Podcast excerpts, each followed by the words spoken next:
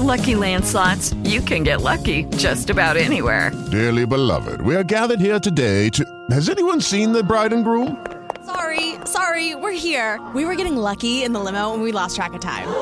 No, Lucky Land Casino, with cash prizes that add up quicker than a guest registry. In that case, I pronounce you lucky. Play for free at LuckyLandSlots.com. Daily bonuses are waiting. No purchase necessary. Void were prohibited by law. 18 plus. Terms and conditions apply. See website for details. Welkom by Politiek.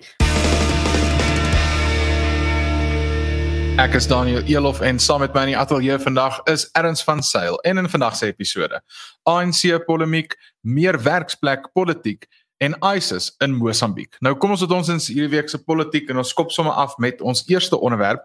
Uh, en dit is natuurlik die spanning wat ons gesien het die afgelope week binne die ANC wat natuurlik teen die breër agtergrond van die ANC se faksionele stryde plaasgevind het.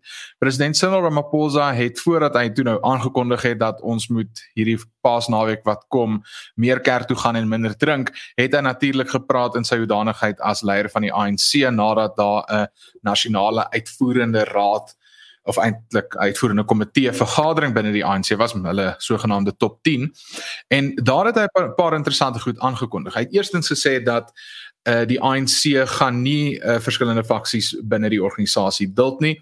Geen van hierdie faksies wat uh, verband hou of ge, uh, 'n konnotasie het met wat hulle noem die radikale ekonomiese transformasie faksie ehm um, kan die ANC se fasiliteite gebruik om te te organiseer nie. Dis 'n baie duidelike direkte aanval op Ysmagashule. En uh toe het het uh president Ramaphosa of eintlik in, in daai kapasiteit die leier van die ANC aangekondig. Wel uh hulle gaan gee hulle gaan vir korrupte lede binne die ANC 30 dae gee om hulle sake uit te sorteer en dan gaan hulle met ja, dissipline. Dit is nou insluitend eis in in hierdie korrupte lede. Ja, natuurlik. Hy sluit sy hulle in. So dit dis dis in 'n nette dop wat gebeur het. Ehm um, en en op die ouende ek moet sê dit is een van die sterker goed wat president Ramaphosa gedoen het die afgelope 3 jaar. Uh, iemand wat bekend is of eintlik homself hy's baie trots oor die feit dat hy hy uh, probeer verenig en hy probeer mense saamtrek. Het hy in hierdie geval nogal sterk standpunt ingeneem glo ek. Mm, wel, Uh, ek dink Cyril Ramaphosa is in 'n baie moeilike posisie nou gesit want ek bedoel sy hele platform as president was dat hy gaan nou die hy gaan nou skoonskip hê by die ANC hy gaan al die uh, korrupte dooie hout ontslaa raak van uh, na, en dit was nou alles na die uh, nalatenskap van uh, die uh, uh state, state capture of die uh, wat is die Afrikaanse term vir state capture? Staats staatskaping. Staatskaping ja. En dit was eintlik maar die groter ek bedoel dit is grootliks wat uh, binne die wat onder die die nuwe dagbreek van uh, president Ramaphosa geval het was dat die ANC gaan nou terug op die regte pad kom. Uh, daar's nou genoeg uh, korrupsie gepleeg onder die die Zuma administrasie ons gaan nou skoonskip hê. En ek dink nou na al die jare wat uh, Cyril Ramaphosa nou in beheer is nou amper 3 uh, jaar wat Cyril Ramaphosa nou nou al uh, in beheer is van die van die ANC en van die land. Ehm um, het daar nog geen koppe regte rol nie en daar was nog geen uh, regte ernstige gevolge vir diegene wat in die wat in staatskaping betrokke was nie. En ek dink wat ons hierso sien wel met hierdie faksionele oorlog tussen die die RET soos wat as jy dit in die nuus sien weet, weet jy praat hulle praat van die die eis faksie. Uh en Cyril Ramaphosa se faksie dink ek is eintlik maar Cyril Ramaphosa wat half bietjie rigtik maar uh, sy uh, rigstring bietjie wys en in terme van om taal te wys maar ons is ernstig oor de, oor uh, korrupsie. Nou of ons enigsins enige groot gevolge hiervan gaan sien is die groot vraag. Ek bedoel dit kan alles 'n teaterspel wees. Iets wat ons nou al baie op politiek eintlik die ANC van beskuldig het is dat baie van hulle sterk standpunt inneem teen korrupsie. Is eintlik maar net politieke teaterspel veral om vir die buiteland half te wys. Maar ons is nog steeds die die ANC van oud wat julle op verlief was. Uh, ons is nie meer ons het nie die pad byster geraak nie my gevoel is is dat ons het dalk bietjie meer van 'n teater element hier so as 'n regte uh, koue face ehm um, beleid vanaf die die Cyril Ramaphosa faksie. En my laaste ding net daar is ek dit is dink ek ook bietjie van 'n verskoning dink ek vir die Cyril Ramaphosa faksie om half te sê maar die ANC vir of uh, nie 'n uh, verskoning vir die Cyril Ramaphosa faksie maar eerder 'n verskoning vir Cyril Ramaphosa self om te sê dat die probleem met die ANC is nie eintlik die party self nie maar eintlik maar net 'n 'n vrot faksie binne in die in die ANC dis nou 'n 'n uh, stukkie retoriek wat ons nou van baie analiste af en joernaliste af gekry het en ek dink nie dis 100% akkuraat nie. Volgens my is die die die, die vrotheid binne in die ANC gaan tot in hulle absolute middel en dit kom dis die hele party is deur die uh, deur die siekte van korrupsie oorgeneem. So ek dink nie as jy net uh hierdie soos wat hulle dit nou half beskryf, hierdie kankergewas van die korrupte faksie uithaal, gaan die ANC weer voortleef en gesond wees nie. Ek dink ons gaan nog steeds dieselfde party hê en ek dink dit is wat ons sien deur die feit dat daar nog geen regtig groot gevolge was uh vir diegene wat um betrokke was in staatskaping nie. Dit lyk my die ANC speel eintlik bietjie speletjies rondom dit. Hulle probeer eintlik vir van hulle vriende af genoeg tyd gee om net uh weg te kom voordat die die byl val en dit is hoekom met hierdie nuus nou gaan ons maar moet sien. Ek bedoel dit lyk definitief as jy vinnig net op oogslag daarna kyk, lyk dit na 'n baie sterk aksie teen korrupsie. Dit lyk asof Cyril Ramaphosa eintlik nogal baie sterk standpunt inneem, maar op die ou end gaan uh, ons maar eintlik net hierdie boom regtig se waarde sien as dit begin vrugte dra. Tans is daar nog net die belofte van vrugte, so ons sal maar moet sien. So regtig, dit is 'n interessante ontwikkeling, maar ek gaan eers bietjie wil sien wat uh, wat hier uitkom en wat die produk daarvan is uh voordat ek enigstens uh, jy enige lofprysing van my af gaan kry. Ek ek het uh, so 'n bietjie van 'n vreemde opinie oor spesifiek Magashule en in hierdie geval. Ek ek hoop hy ignoreer eenvoudig wat die ANC sê. Ek hoop hy verontagsaam alles wat wat sal probeer doen. Uh bloot omdat dit spanning binne die ANC sal veroorsaak en ek dink dit sal verder lei tot die verbrokkeling van die party. Ehm um, dis dis my regtig so eenvoudig is dit en die rede hoekom ek dit sê is presies uh en ek beamoen wat jy vroeër gesê het dat daar ek dink jy daar is 'n deel van die ANC wat ons behoort te red nie. Ek dink jy daar's 'n gedeelte wat van die ANC wat nog goed is wat ons kan sê wel weet jy hierdie deel van die ANC ons kort hulle eintlik net aan bewind nie. Die die ons ons sit met ongelukkig met wat 27 jaar se se ANC gegeewe nie al 27 jaar was vrot nie. Uh die vrot het net ongelukkig nou regtig ernstig begin uh uh soos jy nou so sê wortels skiet in in die ANC. En ek dink ons is verby die punt waar mense dit eenvoudig kan uitsny en net net kan aanbeweeg. Ehm um, in, in die ANC probeer red. Ek dink die mens mens gaan nie. So dis dis wat ek hoop gebeur. Ek hoop die die spanning in die ANC raak net al meer en dat dat ons 'n uh, verdere bekleierery binne die ANC kan sien en verdere konflik. Maar gepraat van konflik, ons weet dat net aan die ander kant van die Kruger Nasionale Wildtuin is daar besig om 'n konflik te broei en een wat vir my so klein bietjie ongemaklik laat voel wanneer ek hier in uh, Suid-Afrika in Gauteng sit. Hmm, ja. So die Islamitiese staat uh, of ISIS het hierdie week gesê dat uh, hulle het die Mosambiekse kusdorp van Paal uit hierdie week die Mosambiekse kusdorp van Palma beset na daelange onrus in die gebied. Uh tientalle mense is ook dood in hierdie gekoördineerde jihadistiese aanvalle onder wie ook 'n uh, Suid-Afrikaner onge ongelukkig was uh die SA weermag uh, het ses Suid-Afrikaners gerepatrieer uh wat in Palma vasgekeer was en ook 'n interna uh, interessante internasionale ontwikkeling is die feit dat Portugal uh beplan nou om 60 troepe na sy voormalige kolonie te stuur. So ons dit daar dit is definitief 'n baie plofbare situasie wat daar aangaan. Daar is ongelooflike gruwelike video's wat daar uitkom uh baie erge beeldmateriaal in terme van wat met die mense daar gedoen word deur hierdie uh, uh radikale islamiste. Uh en ek dink regtig nie Suid-Afrika kan bekostig om nog 'n uh, onstabiele staat op sy grense te hê nie. Ek dink as as dinge voortgaan soos wat dit nou doen in Mosambiek, ehm um, soos my vriend hier gekreer gesê het, ek en hy hierdie week gesels het, ehm um, gaan Suid-Afrika 'n uh, vlugtelingkrisis hê in terme van Mosambiekse burgers wat hier na Suid-Afrika toe gaan vlug en dit kan in die honderde duisende wees. So ek dink regtig nie Suid-Afrika kan dit bekostig nie en uh, eerstens uh iets wat ook definitief 'n groot probleem hier vir ons skep is die feit dat hierdie radikale um jihadiste nie net gaan stop in Mosambiek nie, hulle kan baie maklik oor die grens kom. Ons sien dat Suid-Afrika die sterkste grense in die wêreld het nie. En dit gaan beteken dat ons kan dalk terreuraanvalle in Suid-Afrika begin kry. So ek dink die regering van Suid-Afrika moet hierdie situasie ongelooflik ernstig opneem. Ek dink mense moet ook uh, die regering druk om sterk standpunt in te neem. Ek dink die grootste fout wat die regering van Suid-Afrika nou kan doen is om hierdie situasie te hanteer met die sagte diplomas uh, diplomatiese benadering wat hulle gedoen het met uh, Zimbabwe toe die die groot krisis daar aan die gang was net uh, aan die aan die begin van hierdie eeu. So um, ek dink dit is 'n ongelooflike ernstige storie. Ek hoop meer, meer mense sit uh, druk op die regering om aksie te neem en ek dink dit moet sterk aksie wees.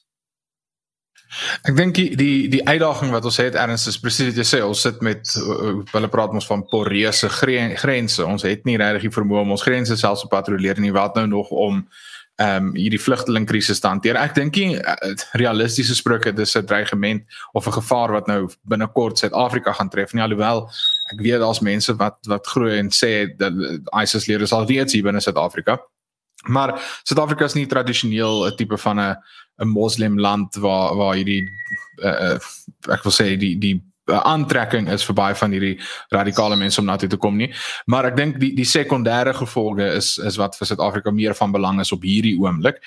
En my grootste bekommernis is is ons lees al vir jare oor ek wil nie sê die onbevoegdheid van die Suid-Afrikaanse regering ag uh, wel van die Suid-Afrikaanse regering hoor ons gereeld maar van die Suid-Afrikaanse weermag. Ehm um, hulle het nie die to nodige toerusting nie, hulle het nie die behoorlike opleiding om hierdie tipe 'n uh, krisis te hanteer nie. Sou dit op daai punt kom nie. En weer in Suid-Afrika kan nie bekostig om nou hulpbronne te spandeer om ons grense op 'n wel ons moet dit meer beter beveilig maar ons kan nie bekostig om dit te doen nie. Ons het ander krisisse ons het ander prioriteite en nou moet ons met hierdie eksterne faktor nou nog meer werk. Uh so dit dis dis interessant dis ook nie heeltemal so nuut nie. Ek weet al 'n hele paar jaar terug dit was byna aantrent 3 4 jaar terug het die instituut vir uh, uh veiligheidsstudies gesê hierdie is 'n dreigement jy moet pas op. Ehm um, dit is 'n groot gevaar vir Suid-Afrika Hmm. Nee, absoluut en ek ek dink hierdie het 'n korttermyn en 'n langtermyn bedreiging vir Suid-Afrika. Ons het nou gepraat oor die meer korttermyn bedreiging is meer onstabiliteit in die uh in die die Suider-Afrika Suider-Afrika gebied. Uh maar of in die streek, maar dan in die langtermyn uh, soos ek sê kan hierdie radikale ideologie ook inbloei in Suid-Afrika in en dit kan vir ons baie meer langtermyn probleme veroorsaak. Maar ek dink grootliks die groot probleem wat ons tans hierso het, is dat ons het klaar onstabiliteit op ons grens in terme van uh, wat in Zimbabwe nog uh, uh, in terme van Zimbabwe 'n land wat nog steeds ongelooflik baie sukkel om te stabiliseer.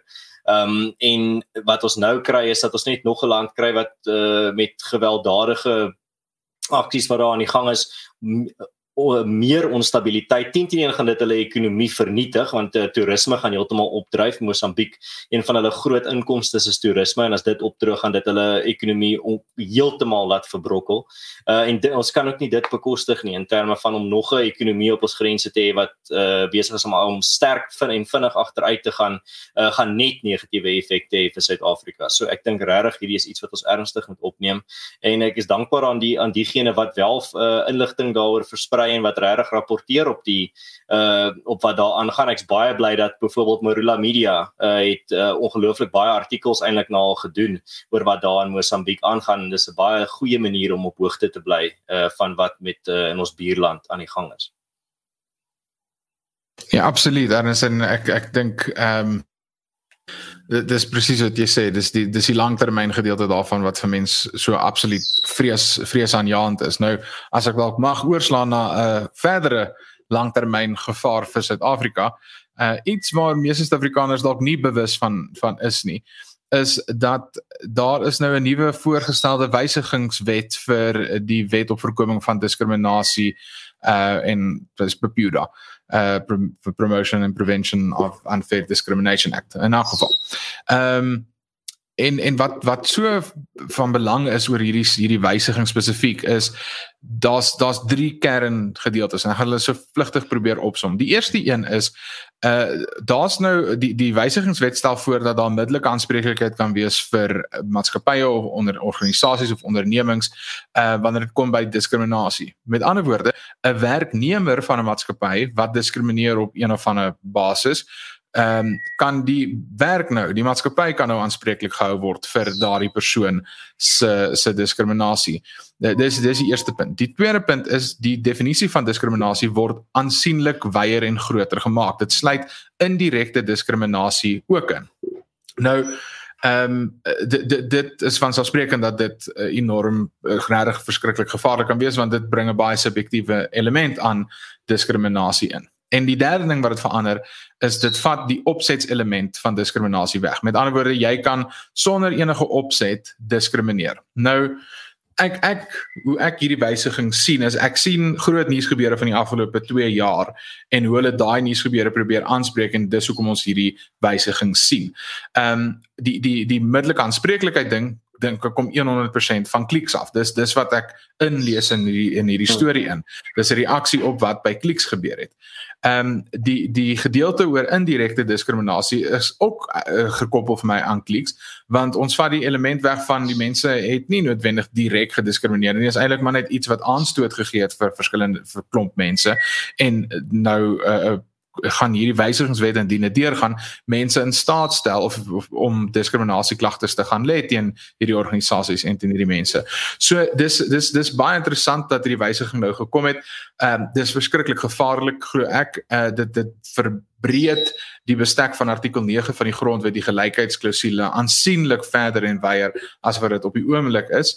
En ehm um, die die verskillende organisasies gaan iets daaraan aan definitief moet doen en ons gaan moet ons stemme lekker dik maak en sê wel dit kan eenvoudig nie so wees nie want die die probleem is alhoewel dit dalk wonderlik klink ons dink ah ja natuurlik moet mense nie diskrimineer nie eh, is dit kom dit neer op een van daai punte van in dit hang af van wie se hande die bemagtigende bepaling is en ons weet hoe ons regering ongelukkig baie van hierdie bepalinge die afgelope paar jaar 100% misbruik het Hmm.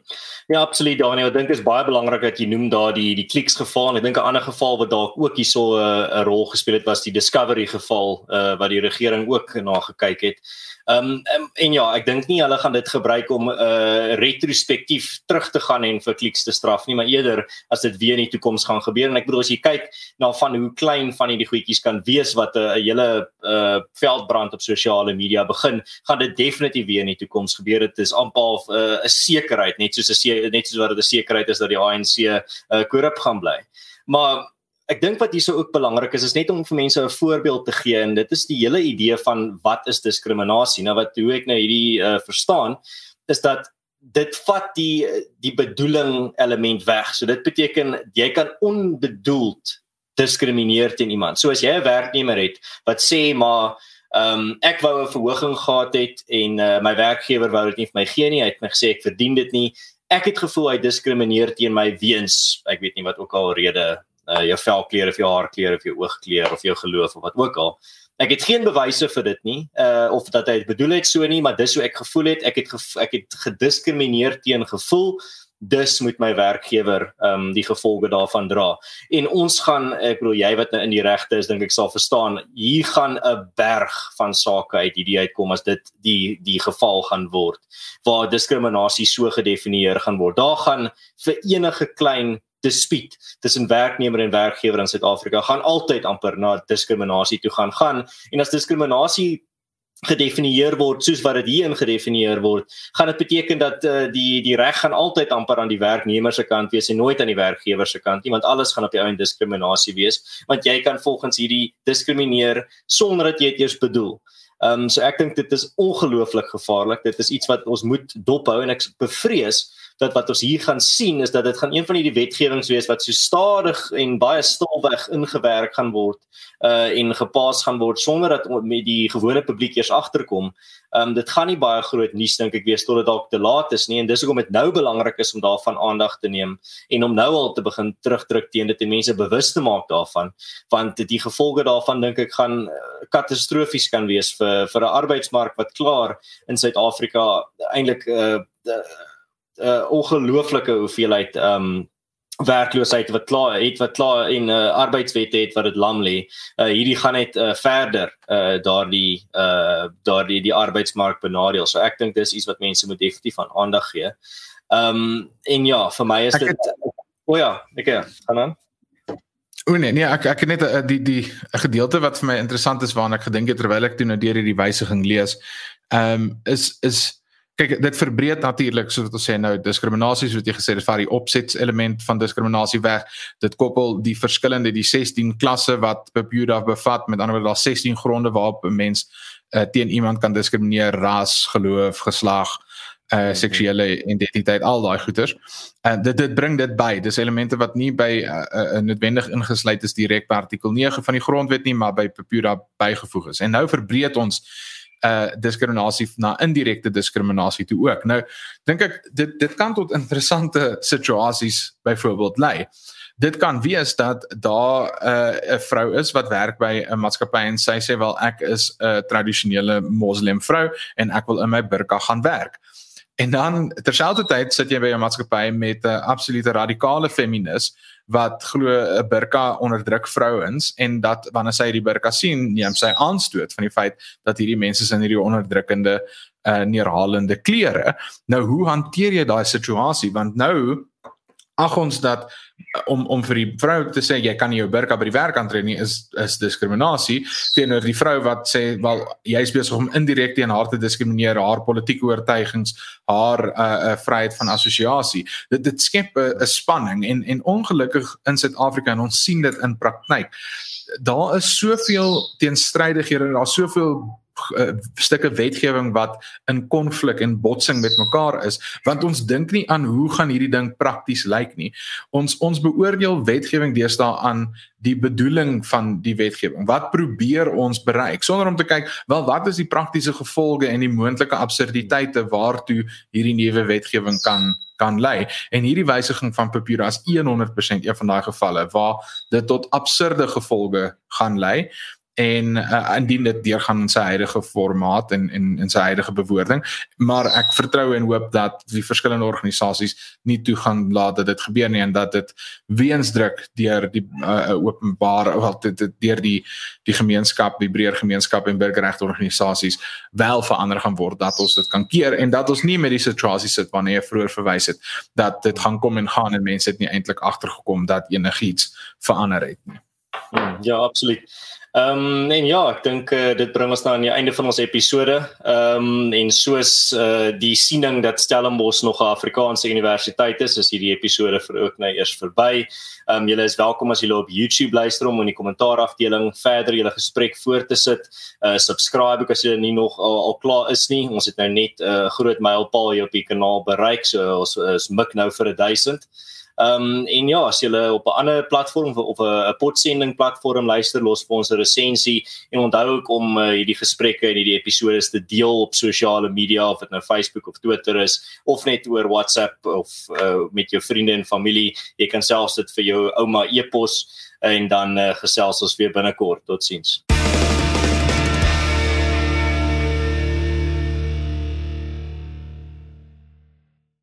With the Lucky Land slots, you can get lucky just about anywhere. This is your captain speaking. Uh, we've got clear runway and the weather's fine, but we're just going to circle up here a while and uh, get lucky. No, no, nothing like that. It's just these cash prizes add up quick. So I suggest you sit back, keep your tray table upright, and start getting lucky. Play for free at LuckyLandSlots.com. Are you feeling lucky? No purchase necessary. Void where prohibited by law. 18 plus terms and conditions apply. See website for details.